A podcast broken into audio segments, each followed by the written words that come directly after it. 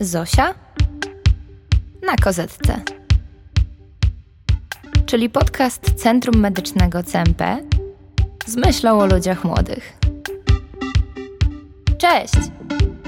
Jestem Zosia. A dziś rozmawiam z psychologiem o samotności, depresji i naszym wewnętrznym dziecku. Cześć! W dzisiejszym odcinku rozmawiam dalej z naszym wspaniałym specjalistą, jakim jest Marta Wiśniewska, psycholog i psychoterapeuta. Cześć!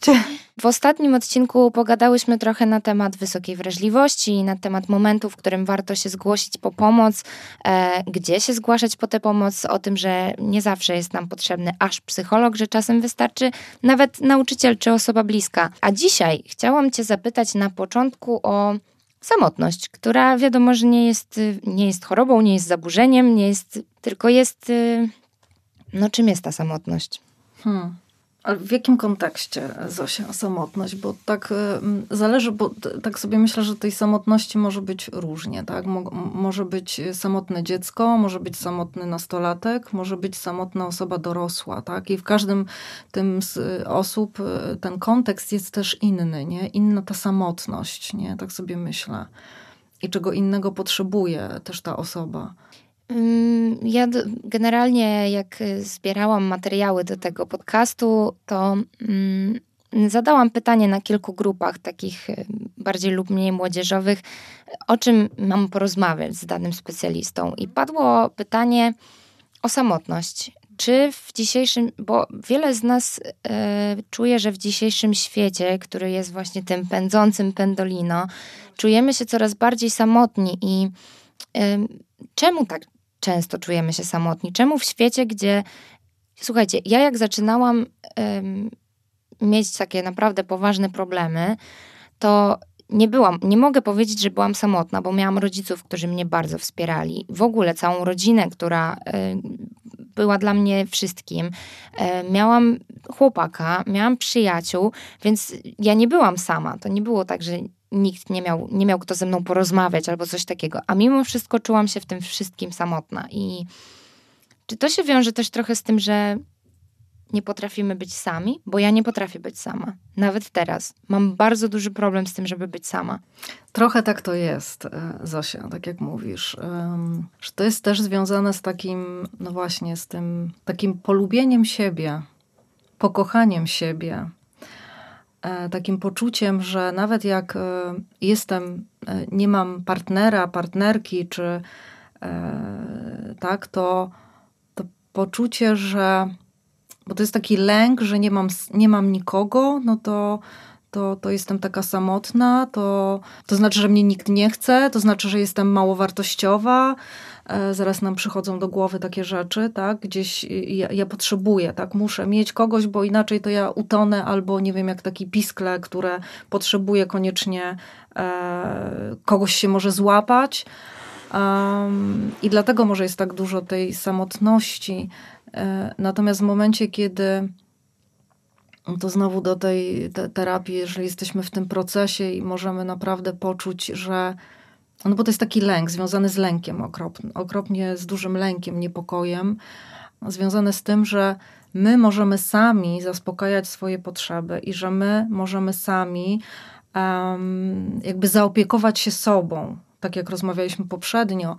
To jest też tak związane, nie wiem, czy słyszałaś, może słyszałaś o wewnętrznym dziecku, mhm. tak? E, e, I jak czasami o tym mówię, to niektórzy w ogóle nie wiedzą, o czym mówię, albo twierdzą, no że jakaś jestem wariatka. To, tak, może warto to przybliżyć, bo pewnie nie wszyscy wiedzą. Bo ja to tam, wiesz, ja to się już obeznałam w tych tematach zdążyłam, że tak powiem, tak. poczytać w życiu, ale nie wszyscy wiedzą. Określę to w taki sposób, że przybliżę jakby.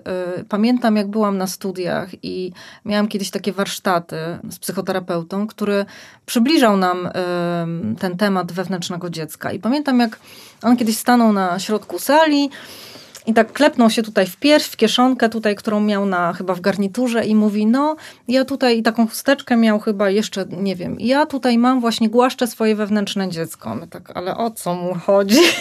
Porąbany. No dokładnie, nie? Jakoś, ale o co mu chodzi? Mówi, ja się opiekuję zawsze swoim tam Wojtusiem malutkim, czy tam, nie? Swoim tutaj pan Wojtek, nie? I mówi, a zawsze się Wojtusiem swoim tutaj opiekuje, nie? I my tak, ale nie, nie wiedzieliśmy w ogóle o czym on mówi, tak? Jakoś to było takie dla nas nowe. Natomiast później w trakcie właśnie tej psychologii psychoterapii a gdzieś też to poczułam na sobie i w sobie w ogóle, tą, tą, tą malutką Martusię, która no, którą noszę w sobie i która mm, odczuwa bardzo różne y, emocje i potrafię po prostu się nią zająć, zaopiekować, tak? Jak jest smutna, jak jest zła, jak, y, nie wiem, różne emocje przeżywa, to po prostu się nią opiekuję. Pytam się jej, czego ona potrzebuje, tak? Czy chce teraz e, iść spać, czy chce, nie wiem, się przytulić, no to ja mogę ją przytulić, nie? Jak ja mogę zapytać, o, mówię do siebie, o, Zosieńku mała, chodź, pójdziemy spać, bla, bla, bla.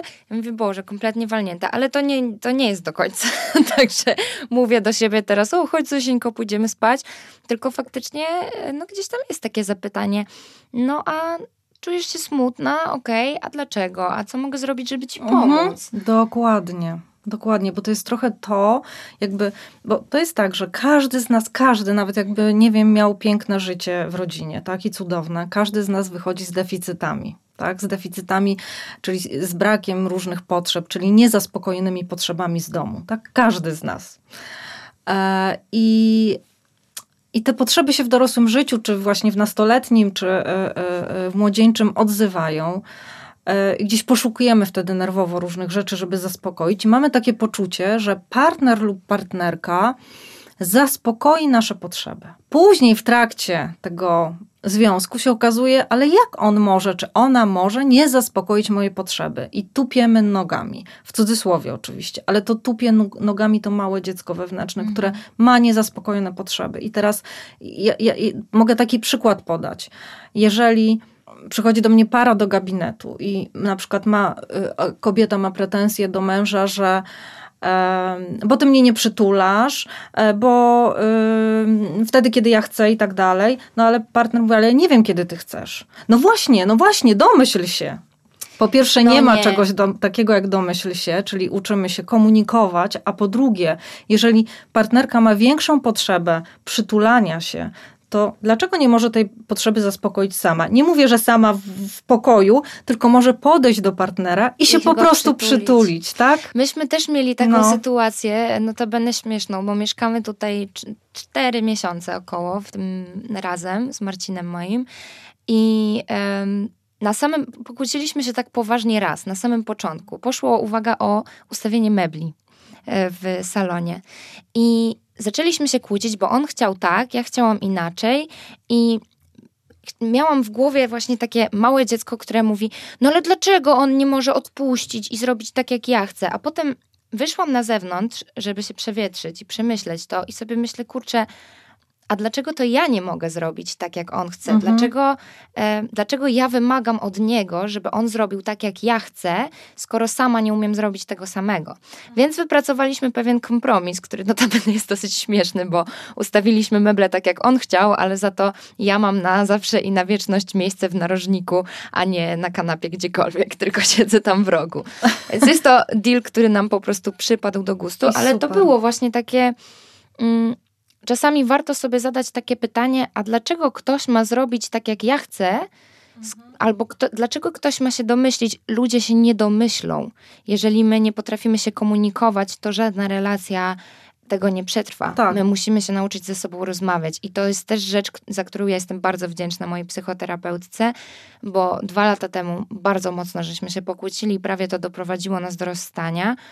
I ja wtedy do niej zadzwoniłam, mówię, muszę się z tobą spotkać na CITO. Mhm. I pojechałam do niej i ona mówi, ale czy ty... Ona mi tak trochę nawet wygarnęła. Mówi, dlaczego ty oczekujesz od niego, że on będzie rozumiał, jeżeli ty mu nie powiesz? Dokładnie. Dlaczego nie możesz z nim po prostu porozmawiać. I ja wtedy się z nim spotkałam i mówię, będziemy rozmawiać. I ty powiesz wszystko, co ci leży na sercu, i ja powiem, co mi leży na sercu. I doszliśmy do takich wniosków, że od tamtej pory zawsze ze sobą rozmawiamy. Nie ma kłótni żadnej, która nie kończy się rozmową, która nie kończy się pewnymi wnioskami i jeżeli komukolwiek cokolwiek przeszkadza, to ze sobą rozmawiamy. I to jest, słuchajcie, to jest, to jest w każdej relacji. To nie jest tak, że tylko z chłopakiem. Tak jest z przyjaciółką, tak jest z kumplami, tak jest z rodzicami. Czasem ta druga osoba nie rozumie, mhm. ale to jest bardzo ważne, żeby jasno mówić, co się ma do tej drugiej osoby, jaki jest problem, jakie są nasze uczucia i rozmawiać o tym, bo bez tego oni się nie domyślą. Tak jak mówisz, nie ma domysłów, ale to, co wspomniałaś, Zosia, y, też trzeba tutaj y, podkreślić, że komunikowanie się E, bo też słyszę często, ale przecież my rozmawiamy. Ja się pytam o czym, nie? No to się okazuje, e, kto zrobi zakupy, kto ugotuje, kto zawiezie dzieci. To kto... nie jest rozmowa. Właśnie, trzeba pamiętać, że to nie jest komunikowanie się, to jest zadanie do wykonania, tak? To jest zadaniowość, to jest takie zadanie jak w firmie, tak? Bo trzeba to zrobić, to robimy.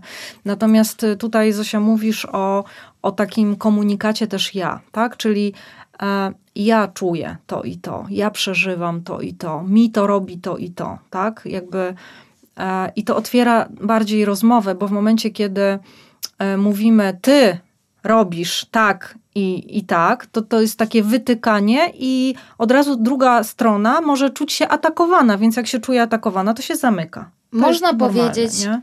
a bo robisz burdel w kuchni i denerwuje mnie to. A jednak ja też zauważyłam, że kiedy powiem, słuchaj, nie mogę się skupić, nie potrafię pracować w przestrzeni, która jest zanieczyszczona. Brudna, dokładnie przeszkadza mi to, więc. Co proszę, możemy zrobić? Proszę, postarajmy się nie robić aż takiego bałaganu w kuchni, bo po prostu źle się z tym czuję. I to w ogóle zmieniło wszystko, nie? Tak. To jest rozmowa o uczuciach i mm, jasne powiedzenie sobie. Niestety nie każdy to przyjmuje. To też jest trudne, że czasami. Czy tego się mm, trzeba nauczyć, bo zobacz, że w domu się tak nie tak. rozmawia też, tak? W domu się tak po prostu nie rozmawia. Nie? Rodzice też tak nie rozmawiają, z nami nie rozmawiają. Często, e, często się słyszy słyszy od nastolatków i, i, i um, no, osoby, które wchodzą w wiek dojrzewania, y, do, doras, dorosłości, że tak powiem. Słyszy się często, że no, rodzice, no co, pytali się tylko y, jak w szkole. Mhm.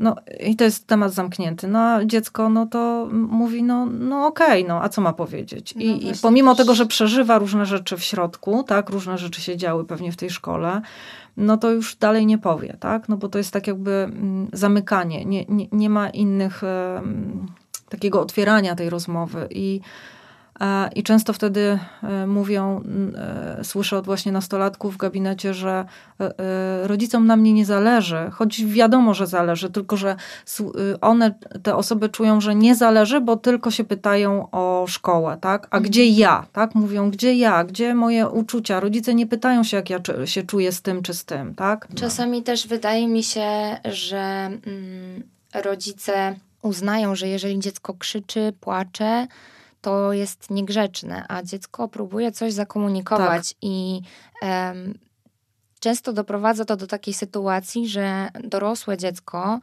nie potrafi powiedzieć o złych uczuciach, nie potrafi powiedzieć o negatywnych emocjach, nie chce o tym mówić, dlatego że boi się, że to zostanie uznane jako że ono jest niegrzeczne, na mhm. przykład, że jest nieposłuszne, co jest nieprawdą, ale y, myślisz, że bo wydaje mi się, że w ogóle nasi rodzice też teraz trochę więcej, coraz więcej pracują. Nie wiem, czy to jest prawda, ale rodzice dosyć dużo pracują i czy to nie jest trochę związane z tym, że ponieważ cały czas pędzimy, mamy coraz mniej czasu na to, żeby rozmawiać o tym, co naprawdę nam leży na sercu? E, na pewno e, mamy mniej czasu, zgadzam się, e, bo, bo jest zaczyna się epoka zadaniowości właśnie, zadań, zadań, zadań, którymi jesteśmy bardzo przeładowani.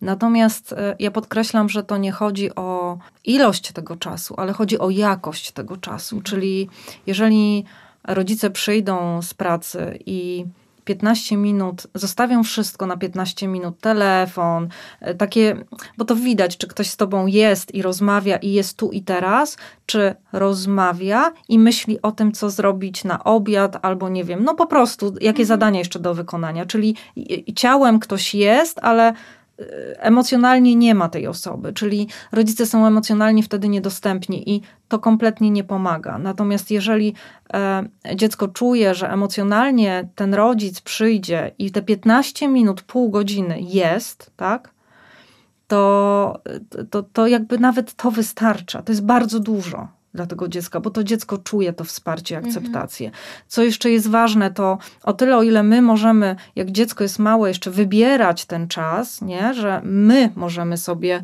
ustalać, kiedy nam bardziej pasuje i tak dalej, o tyle bardzo istotne jest, że w momencie, kiedy nastolatek przychodzi do nas, a my powiemy, że nie mamy teraz czasu, to dziecko drugi raz, nastolatek drugi raz już do nas nie przyjdzie. Także ja uczulam, że dobrze jest naprawdę rzucić wtedy, jeżeli prasujemy, robimy obiad, nieważne, zostawmy to. Dlatego, że drugi raz ta osoba, to znaczy, że ten nastolatek na tyle nabrał siły, odwagi, żeby przyjść do nas z czymś dla niego bardzo ważnym, i chce komunikować coś, więc zostawmy wszystko i poświęćmy te właśnie pół godziny wtedy, tak? Bardzo ważne jest, istotne, e, że wszystko tak jakby zaczyna się od nas. Czyli jeżeli my pracujemy nad sobą i mamy Um, mamy taką większą świadomość siebie, swoich emocji, co przeżywamy, z czym sobie radzimy i w jaki sposób możemy sobie radzić, to jesteśmy bardziej wyczuleni też na emocje i e, naszego dziecka czy partnera, tak? E, po prostu to zaczyna się od nas. Jeżeli my potrafimy sobie, sobą się zaopiekować, to my potrafimy się zaopiekować też drugim człowiekiem. Jeżeli my się potrafimy zatroszczyć o siebie i być dobrym dla siebie i zaspokajać swoje potrzeby, to my potrafimy i widzimy u drugiego człowieka, tak. I też chyba mm, jak potrafimy zaopiekować się sobą, to jednak stajemy się trochę mniej samotni, nie? Właśnie to, dokładnie. I to jest takie kółko, nie? Jakby wszystkie tematy, o których tu rozmawiamy, one są bardzo powiązane, bo tak jak wspomniałaś, człowiek jest wielowarstwowy, bardzo. I to, to nie ma jednoznacznej czy jednej formuły na, na każdego z nas, tylko wszystko zależy od sytuacji i od człowieka. No dobra, to przejdźmy do najtrudniejszej chyba rzeczy. Um, pogadajmy o depresji trochę. Czy to jest prawda, że jest jej więcej, czy po prostu więcej się o niej mówi, albo więcej się jej diagnozuje? Wiesz co, to jest trudne pytanie, bo ja nie mam statystyk, tak? Nie, nie mhm. znam statystyk, że tak powiem. Natomiast też obserwuję oczywiście. Trudno mi powiedzieć, czy więcej się o niej mówi, czy więcej właśnie osób e, e, mm, wychodzi z tym, tak, że, e, że ma takie poczucie, e, czy epizody depresyjne, czy po prostu depresję. No właśnie, bo czy każdy smutek to jest depresja? No, no Myślę, że nie, oczywiście, że nie. To jakoś się tam dia e, diagnozuje e, w psychiatrii że jakiś tam okres czasu, im dłuższy okres czasu, tak, no to można diagnozować jako depresję. Natomiast jeżeli to jest, e, mówi się też e, w psychiatrii o takich epizodach depresyjnych, mhm. tak, że to są jakieś tam krótsze okresy czasu, um, ale że człowiek sobie jakoś tam radzi z tymi epizodami. I, I, też musimy pamiętać, że różne traumy, które, czy straty, które y, przeżywamy w życiu, tak, czy to będzie właśnie żałoba, zresztą każda strata jest jakby żałobą, tak, można powiedzieć, no, no to też nie, dziw, nie możemy się dziwić, że będziemy w tak zwanej depresji czy smutku, tak. Mówi się trochę też w taki sposób, że trochę depresja jest takim zaprzeczeniem agresji, tak, że człowiek się tak zapada, że trudniej jest osobie że ona tak nie widzi już sensu życia, czy sens, sensu w ogóle, tak? czy brak jej motywacji, brak jej siły do działania.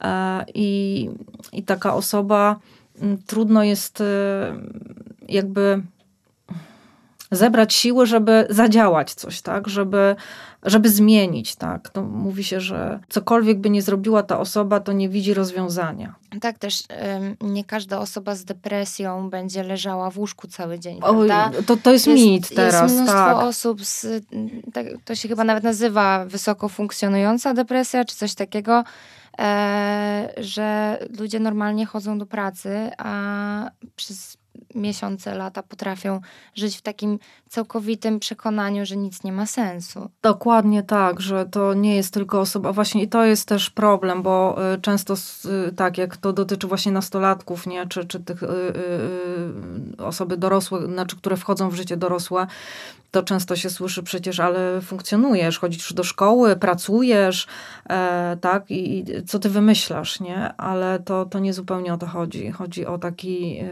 tak, takie poczucie braku sensu, celu w ogóle w życiu, tak, czy takiego y, braku motywacji, nie? To, to nie znaczy, że ta osoba nie będzie chodziła do pracy. Nie? Będzie chodziła do pracy, żeby jakoś tam funkcjonować, żeby się utrzymać, natomiast y, będzie to tak duży wysiłek dla tej osoby. Czy są jakieś y, sygnały, które dajemy otoczeniu, żeby zauważyli, że coś jest nie tak? Czy są jakieś takie rzeczy, po których można rozpoznać, że ta osoba jest w jakimś epizodzie depresyjnym, albo nie wiem. Że tej osobie się nic nie chce, że rezygnuje z różnych takich e, e, na przykład e, rzeczy, które kiedyś sprawiały jej przyjemność, tak? Że bardziej się zaczyna izolować na przykład od znajomych, przyjaciół, rodziny że funkcjonuje, ale właśnie się tak bardziej izoluje, że, że nie ma jakichś takich planów na przyszłość, tak, nie, nie, E, no to, to są takie, myślę, sygnały, y, y, które, którym warto się przyjrzeć. A dlaczego ludzie się samookaleczają? Wiesz co, y, przy depresji też często tak jest, samookaleczanie. Jest to redukowanie napięcia, które w ciele jest. I to jest coś takiego, że to jest taka mm, samoagresja, taka destrukcja. I to, co trochę powiedziałam, że ja nie mogę tej agresji czy tej złości wyrzucić na zewnątrz, tylko to się mówi, że ja mam ją do wewnątrz. Mhm. To jest taki ból i cierpienie tego człowieka, że ja nie mogę tego w żaden sposób wyrzucić, nie wiem, tu, tak, przez, czy sprzeciwstawić się, czy nie wiem, e, czemuś, czy komuś. Czy mam właśnie, przeżywam tak duże konflikty wewnętrzne, że tak cierpię, że tylko poprzez cięcie, czy jakieś właśnie. E, e, U mnie to było tak, że ja zawsze, jak już zaczęłam trochę to rozumieć, to było to dla mnie przycisk on-off. Mhm. Że jak już byłam w takim stanie, że nie byłam w stanie kompletnie sobie z tym poradzić, to robiłam sobie krzywdę i nagle to wszystko opuszczało. Po prostu wszystko przestawało mieć jakiekolwiek znaczenie. To był taki wyłącznik absolutnie wszystkich emocji. I nagle te wszystkie trudne rzeczy, które się tak kotłowały i gotowały, I nie które były takie wytrzymać, trudne, tak. nie byłam w stanie dłużej wytrzymać. Po prostu musiałam zrobić coś i przypadkiem znalazłam taki, a nie inny sposób. Mhm. I no niestety było mi potem bardzo ciężko z tego wyjść, bo to trochę uzależnia. Tak, tak, tak dlatego że y, dokładnie tak jak mówisz, nie? I no dobrze jest potem pracować właśnie, że jak mi to coś takiego przychodzi, nie, to zamieniam, tak, mhm. w cokolwiek, nie? To jest, no to nie jest łatwe, zgadzam się z tobą, ale jest to możliwe, tak? Jest możliwe. Jak ci się udało? Na co zamieniłaś właśnie? Ja jak zaczęłam to mm, rozumieć, to po pierwsze na pewno głęboki oddech, tak? Trzy głębokie wdechy, wdechy. Um, to był taki moment, stój, zatrzymaj się, czy naprawdę chcesz mieć tego więcej, czy naprawdę potrzebujesz to zrobić. Potem zauważyłam, że w takich momentach często zamiast robić sobie taką dużą krzywdę, to zaciskam pięści, bo też czuję jakiś taki fizyczny opór, jakieś takie napięcie, ale nie robię sobie tym sposobem krzywdy. No i inna kwestia też taka, że ja, moi rodzice mi zaproponowali, żeby usunąć blizny laserowo i ja powiedziałam, że nie chcę tego robić.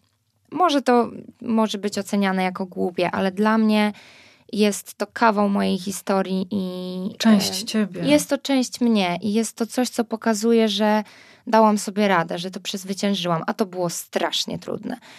Więc wytrzymałam ponad rok i zatatuowałam te blizny. Więc je widać, ale mniej je widać. I teraz no nie chcę tego robić, no bo zniszczyłabym tatuaż kaman. Bardzo mi pomogła też jakby rozmowa i takie pytanie siebie, też moja psychoterapeutka kiedyś mi powiedziała, że jak pracuję z osobami, które na przykład są uzależnione, powiedzmy od alkoholu, to nie jest tak, że ona mówi: Nie rób tego, po co ci to, tylko mówi: Spróbuj świadomie wybrać. Mhm. Czy naprawdę potrzebujesz napić się tego kieliszka wina i zdajesz sobie sprawę z tego, że Mm, jakby jest to dla ciebie złe, albo czy po prostu chcesz się napić wina i tyle, czy jednak w jakiś sposób. Redukujesz sobie coś. Tak, czy, czy jest to jakiś mechanizm, który tobą kieruje? Czy to jest na pewno twoja świadoma decyzja, czy to jest coś, co robisz mimowolnie? I ja też zaczęłam trochę bardziej w ten sposób do tego podchodzić. I to sprawiło, że no okej, okay, zadam sobie pytanie teraz, czy ja świadomie podejmuję decyzję, że zrobię sobie krzywdę ponosząc pełną odpowiedzialność za to, czy jednak jest to jakiś automat, który we mnie działa. I po jakimś czasie zaczęłam po prostu wychwytywać te momenty, e, czasami je opisywać na kartce papieru po prostu. I to sprawiło, że ta częstotliwość się redukowała, aż w końcu w ogóle przestałam. Ale było to bardzo trudne i mm, no, jest to poniekąd uzależnienie i trzeba z tym bardzo potężnie pracować, bo bo to jest bardzo trudne po prostu. No i tutaj też y, y, można to powiązać z tym wewnętrznym dzieckiem, nie? że im więcej pracujemy z wewnętrznym dzieckiem, tym y, to też jest łatwiejsze do y, jakby pokonania. A to też była pewna, y, poza takim tym włącznikiem, wyłącznikiem, to była też kiedyś wypierałam to bardzo, ale dzisiaj wiem, że to był też pewien rodzaj kary.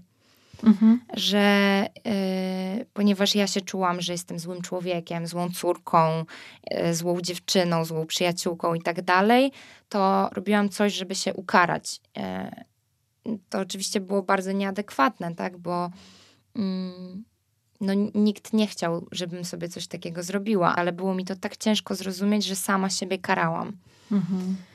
Także to myślę, że też taka mm, próba wyrozumiałości dla samego siebie, takiej znalezienia takiego zrozumienia, że pogłaskanie tego wewnętrznego dziecka. Tak, taka akceptacja. Tak. Akceptacja siebie e, i tego, że nie jestem idealna, tylko mam e, tą, no po prostu dwie strony, tak, medalu, nie? Że mhm. jestem taka i taka. E, ale jeszcze to, co powiedziałaś, e, takiej współczuciu sobie, nie? I mm, to też jest właśnie taka praca z tym wewnętrznym dzieckiem, że jak się opowiada o swoim dzieciństwie, nie? To jak e, pytam czasami, jak jakby pani usłyszała, czy pan tak, tą historię, które to dziecko przeżyło, nie? To dziecko przeżyło, to co by pan poczuł? No, I często pada tak, współczucie. współczucie. Ja mówię, a czy sobie pan daje współczucie, nie? No i wtedy się właśnie porusza tą taką stronę. Wtedy jest taka lampka nagle. Tak. Wow. Tak, że ja to przeżyłem, że ja byłem w jakiejś traumie, że ja przeżywałam. No to jest coś niesamowitego. Tak. To jest takie połączenie i zobaczenie, ale jak? Ja naprawdę to przeżyłem, przeżyłem, tak? To jest. Takie spojrzenie na siebie trochę z boku, nie? Mm, takie spojrzenie na siebie jak na odrębne dziecko, a nie na, na samego siebie. Tak, i że to dziecko tak musiało cierpieć, nie? Mhm. I to, nie, to wcale nie musiała być e, jakaś wielka rzecz. To nie oczywiście. Jest tak, że e, cała rodzina musiała umrzeć w pożarze, żeby była jakaś trauma. To czasami są takie pierdółki. Bardzo drobne rzeczy, bo to się tak wydaje, nie? Bo właśnie tak się mówi, ja też słyszę często w gabinecie właśnie, że ale przecież, ale co, co ja? Ja miałem dwoje rodziców, kochali mnie w zasadzie, a że byli trochę nadopiekuńczy albo kontrolujący, no to, no to co? Ale się, tylko, że dla jednej osoby to to będzie ok, ona sobie lepiej z tym poradzi, a powiedzmy bardziej wrażliwa osoba, czy y, no inna po prostu, będzie dla niej to już traumą. Takie, tak jak mówiłaś, że różne jakieś takie nawet y, sformułowania rodziców mogą nas bardzo, ale to bardzo dotknąć, nie? I nawet nie zdajemy sobie z tego sprawy, bo to, co dziecko ma, a dziecko ma taką niesamowitą siłę przetrwania.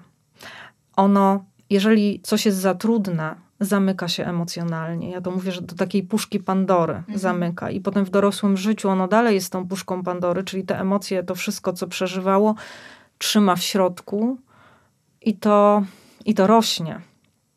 I dlatego w momencie, kiedy tego nie przerobimy, to cały czas będziemy to nosić i to będzie cały czas takim obciążeniem, jak taki kamień, nie? który mhm. ciąży nam cały czas. Dlatego się tak jak e, wcześniej rozmawiałyśmy, że fajnie, jak większość osób e, gdzieś tam sięgnie do tej psychologii, nie? Nawet czasami wystarczy sobie poczytać, nie? Czasami wystarczy, oczywiście, że tak, bo nie każdy, no tak jak nie każdy na świecie musi iść, natomiast tak. Ale fajnie sobie się czegoś dowiedzieć. Bo o jest, sobie, nie? Tak, bo to jest w ogóle jakby bardzo ciekawa dziedzina nauki, tak? Bardzo. Takie, no, takie grzebanie gdzieś tam w głowie. E, czy depresję zawsze leczymy lekami? Dobrze jest, jeżeli włączymy leki. E, nie wiem, czy zawsze. Staram się unikać tego mhm. słowa zawsze, nigdy, dlatego że to znowu zależy od osoby, zależy od sytuacji. No niestety depresja ma to do siebie, że ona lubi wracać. nie? w różnych sytuacjach, więc dobrze jest czasami włączyć leki, dlatego że mm, łatwiej też jest pracować z taką osobą, nie? bo ona jakoś tak więcej jest w stanie zobaczyć, z, większą ilością rzeczy się w stanie skonfrontować, tak? bo leki powodują, że ona jakoś lepiej trochę funkcjonuje. Tak, co ciekawe, właśnie ja jak zaczynałam brać leki, to bardzo się zdziwiłam, bo dostałam jeden środek taki typowo antydepresyjny i dwa y, rodzaje lekarstw na padaczkę. I poszłam do tego psychiatry i mówię w ogóle o co chodzi. A on mi powiedział, że y, to jest trochę tak, że to jest takie ich działanie uboczne, że one wpływają tak wyciszająco na człowieka i no to były stabilizatory nastroju po mhm, prostu. Tak. E, także ja na początku byłam bardzo zdziwiona, a potem się okazało, że to było to, czego mi było trzeba. No ja biorę bardzo dużo leków i na szczęście już od tego powoli odchodzę, ale też dużo osób się zastanawia, czy to, mm, czy to nie uzależnia.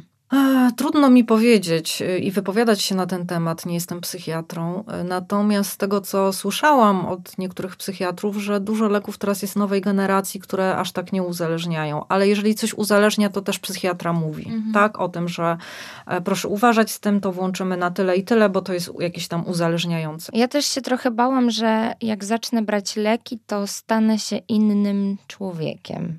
Miałam takie obawy, że po odstawieniu leków nie będę się poznawać. E, teraz zaczynam odstawiać leki, już od jakiegoś czasu to robię e, i widzę, że to się nie zmieniło. W sensie nadal jestem tą samą osobą, ale to też chyba ma trochę związek z tym, że ja się zdążyłam poznać w tym czasie.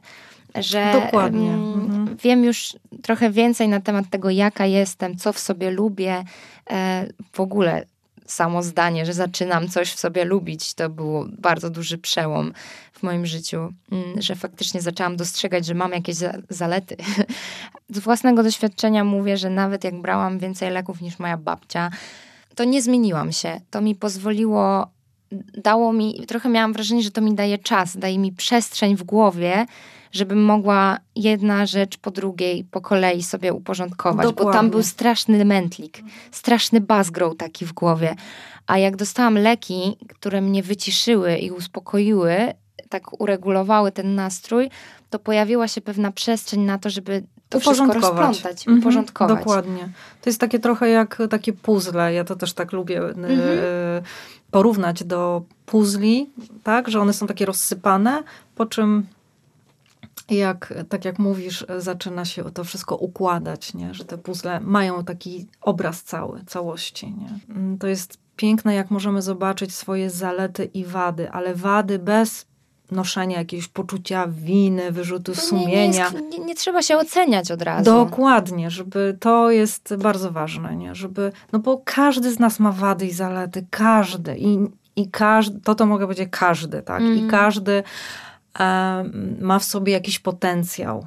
No właśnie, trzeba polubić i być zainteresowany, nie, tak, zainteresowanym no, sobą. Jakby jak to się dzieje, że ten smutek potrafi doprowadzić nas na aż taki skraj? Jak to jest możliwe, że tak naprawdę dziecko myśli o tym, żeby odejść ze świata. Bo to jest ogromne cierpienie, tak? W takim sensie, że chyba właśnie takim, e, takimi emocjami, które nam jest bardzo, ale to bardzo trudno e, się skonfrontować, to jest smutek, tak jak wspomniałaś, bezradność, niepokój, taki lęk, lęk związany i niepokój z, no, z bezradnością. Dla mnie lęk i bezradność to było najgorsze kombo. Dokładnie. Najgorsze. I taki smutek to, to są emocje, które ten ból i to cierpienie to jest już taka piwnica, piwnica, ja to mówię, taka y, każdego z nas, gdzie dotknąć tego i często obserwuję, jak tak właśnie ktoś otwiera tą piwnicę i bach zamyka. Tak. Nie? Bo jakoś coś się pojawi, nie mogę tego przeżyć. Ja nie mogę, y, nie wiem, nie mogę rozpaczać, nie mogę płakać, nie mogę, nie wiem jak, ale jak. I, i to jest, ludzie się tego strasznie boją. Zauważ nawet, że taka jest też nasza kultura wręcz, mhm. Y, że wracając do rodziny, nie? że jeżeli dziecko przeżywa smutek, nie wiem, cierpienie, właśnie bezradność, lęk i tak dalej, to zauważ, co robią rodzice. Dobra, to wiesz, co zrobimy? To, to, to. Koniec. Zostawia takie poczucie u dzieci, że ja mam nie czuć to, co czuję, no bo przecież mamy zrobić to i to, czyli rodzice nie akceptują moich emocji. Bardzo czyli jeżeli dziecko się. podchodzą tak e, właśnie zadaniowo, tak bardzo. Mm, No bo oni się też tego boją. tak. Zobacz, nikt ich tego też nie uczył. Ja to mówię, że to jest najprostsze, ale najtrudniejsze do zrobienia.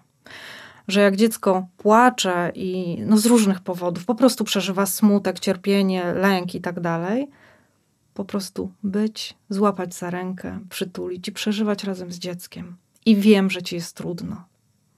To jest coś najtrudniejszego, ale najpiękniejszego, bo razem jest to do przeżycia. Naprawdę.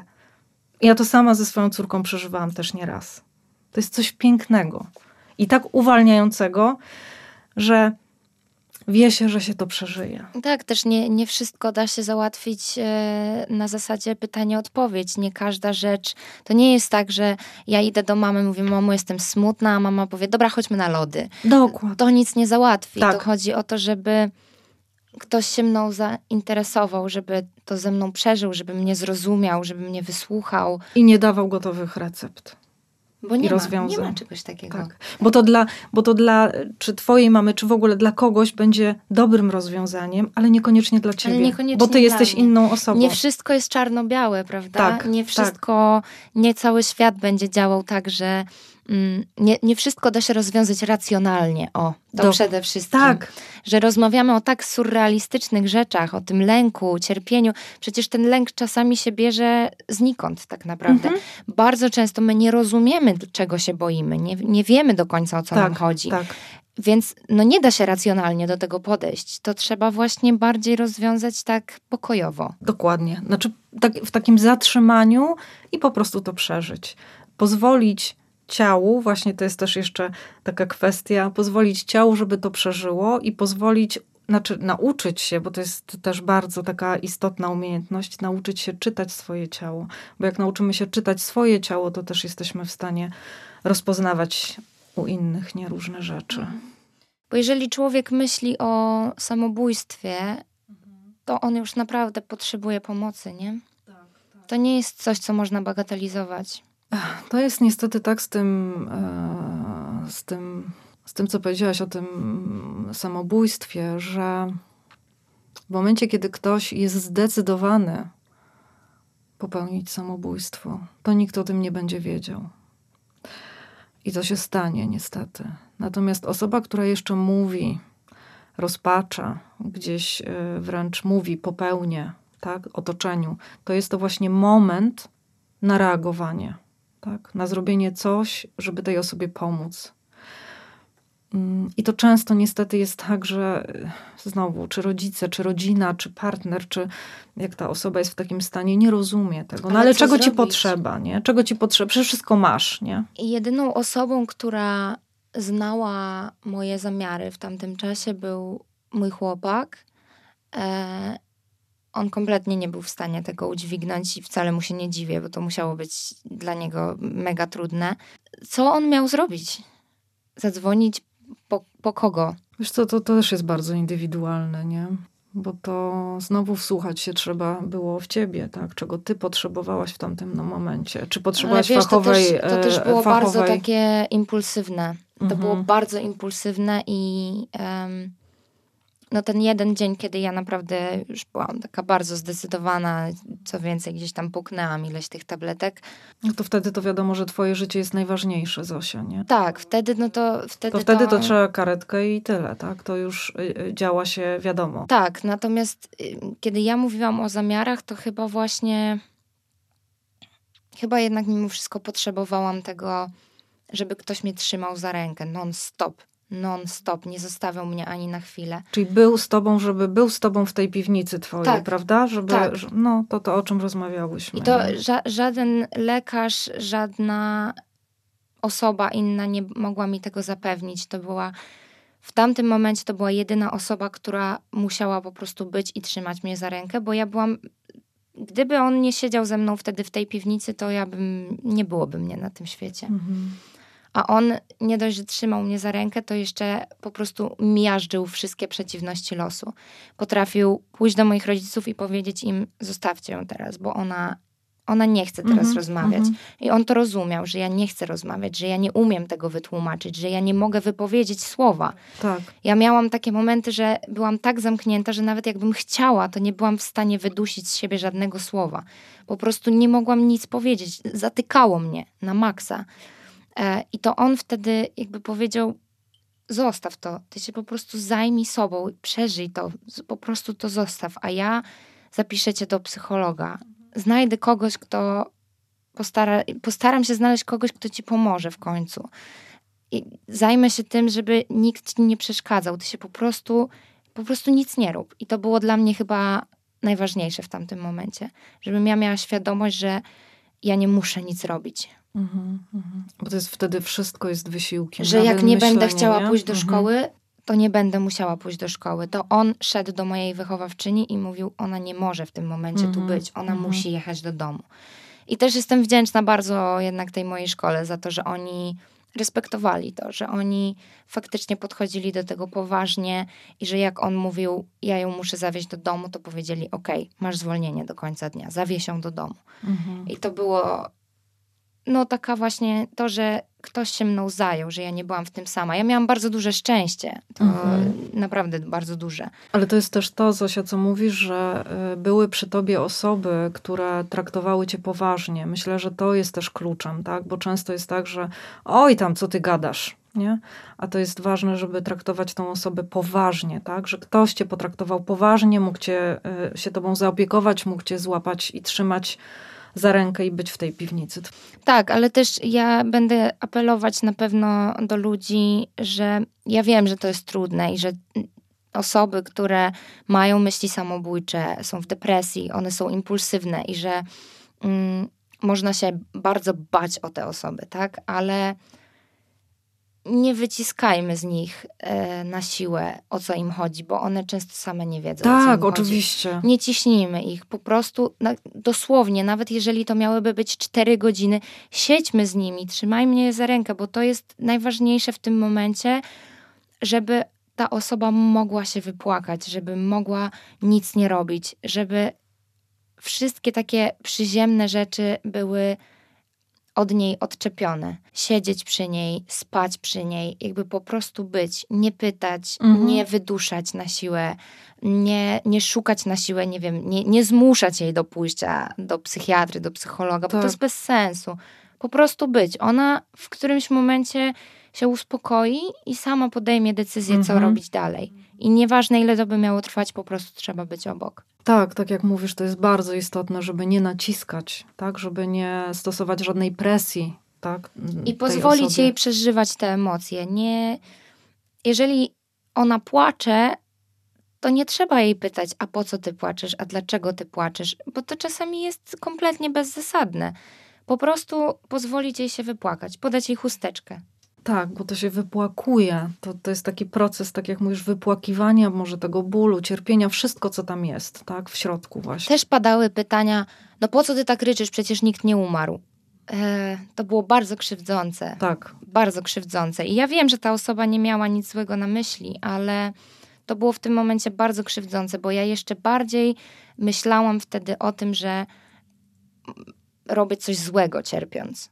I to było naprawdę trudne do przeżycia po prostu. pomimo tego, że ci było źle, to jeszcze dostałaś taki, taką cegiełkę, Tak, e, taki że- kopniak jeszcze kopniak że jeden. jeszcze źle, nie? E, Wcale o sobie dobrze nie myślałaś, to jeszcze To jeszcze ktoś ci... gorzej. Tak, tak, tak. No to tak, no depresja jest, y, jest bardzo trudna i I ważne, żeby pozwalać też e, tym osobom, tak jak mówisz, e, e, wypłakiwać, tak? mhm. Albo wykrzyczeć. Nawet jak nie ma możliwości w otoczeniu, bo nie zawsze jest, ale można gdzieś pojechać, tak? Tak. W odludne miejsce i, I niech i krzyczy. krzyczeć to, co ma się tu w środku. Po prostu jest tak potrzebne, nie? Bo jak ta puszka Pandory się otworzy, jesteśmy w tej piwnicy, która była no, straszna i te emocje były zamknięte. One się nagle otwierają i my je przeżywamy.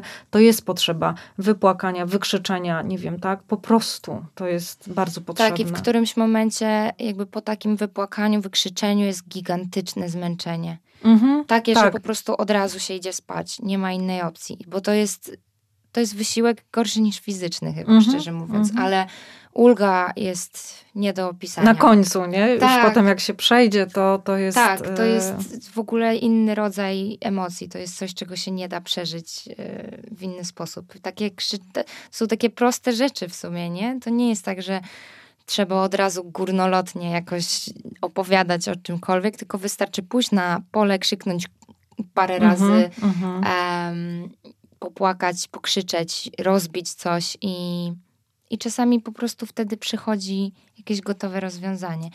Nie trzeba być w depresji, żeby to robić. Można być po prostu Oczywiście. człowiekiem.